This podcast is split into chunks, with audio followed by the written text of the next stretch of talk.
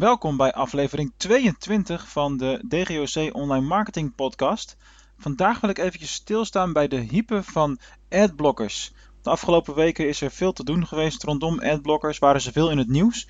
En al helemaal nu afgelopen week uh, Apple op zijn iOS-systeem heeft uh, uh, bekendgemaakt dat adblockers nu als app ook gedownload mogen gaan worden.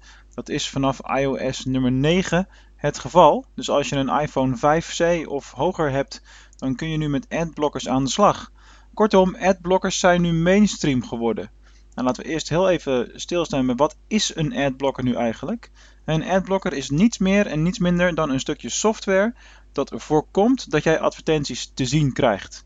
Dus op bepaalde sites waar uh, remarketing wordt toegepast, waar je continu banner advertenties voorbij zag komen, zul je die niet meer zien staan. Niet wordt het internet alleen een stukje rustiger daardoor en heb je minder afleidingen om je heen. Ook zal het met name bij mobiel gebruik heel gunstig zijn voor jou als gebruiker, om de dood eenvoudige reden dat je minder data aan het downloaden bent. Kortom, vanuit het consumentenperspectief gezien is een adblocker zo gek nog niet. Dan heb je natuurlijk ook de andere kant van het verhaal. Hoe zit het dan voor adverteerders?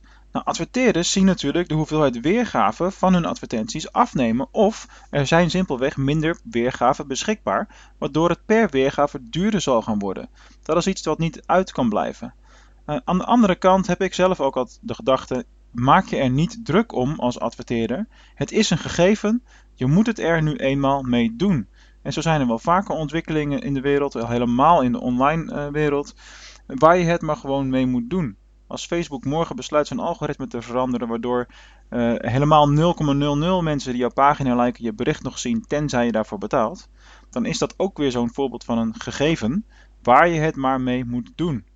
Voor de uh, appmakers en uh, websites die advertentieruimte verkopen, is natuurlijk een ander verhaal.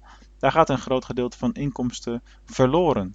dus daar ligt het misschien wat anders. Maar goed, voor mij, de boodschap hier is uh, vanuit online marketing uh, perspectief. Ben je een adverteerder? Ga gewoon door met wat je aan het doen bent en maak je niet te druk om deze ontwikkeling. Want je kunt er toch geen uh, veranderingen in aanbrengen. En ben je een consument? Maak voor jezelf de keuze of je wel of niet van adblockers gebruik wil maken. En ja, beslis wat je daarin wilt. Dat was hem weer voor vandaag. En aanstaande vrijdag zijn we weer terug met een nieuw interview.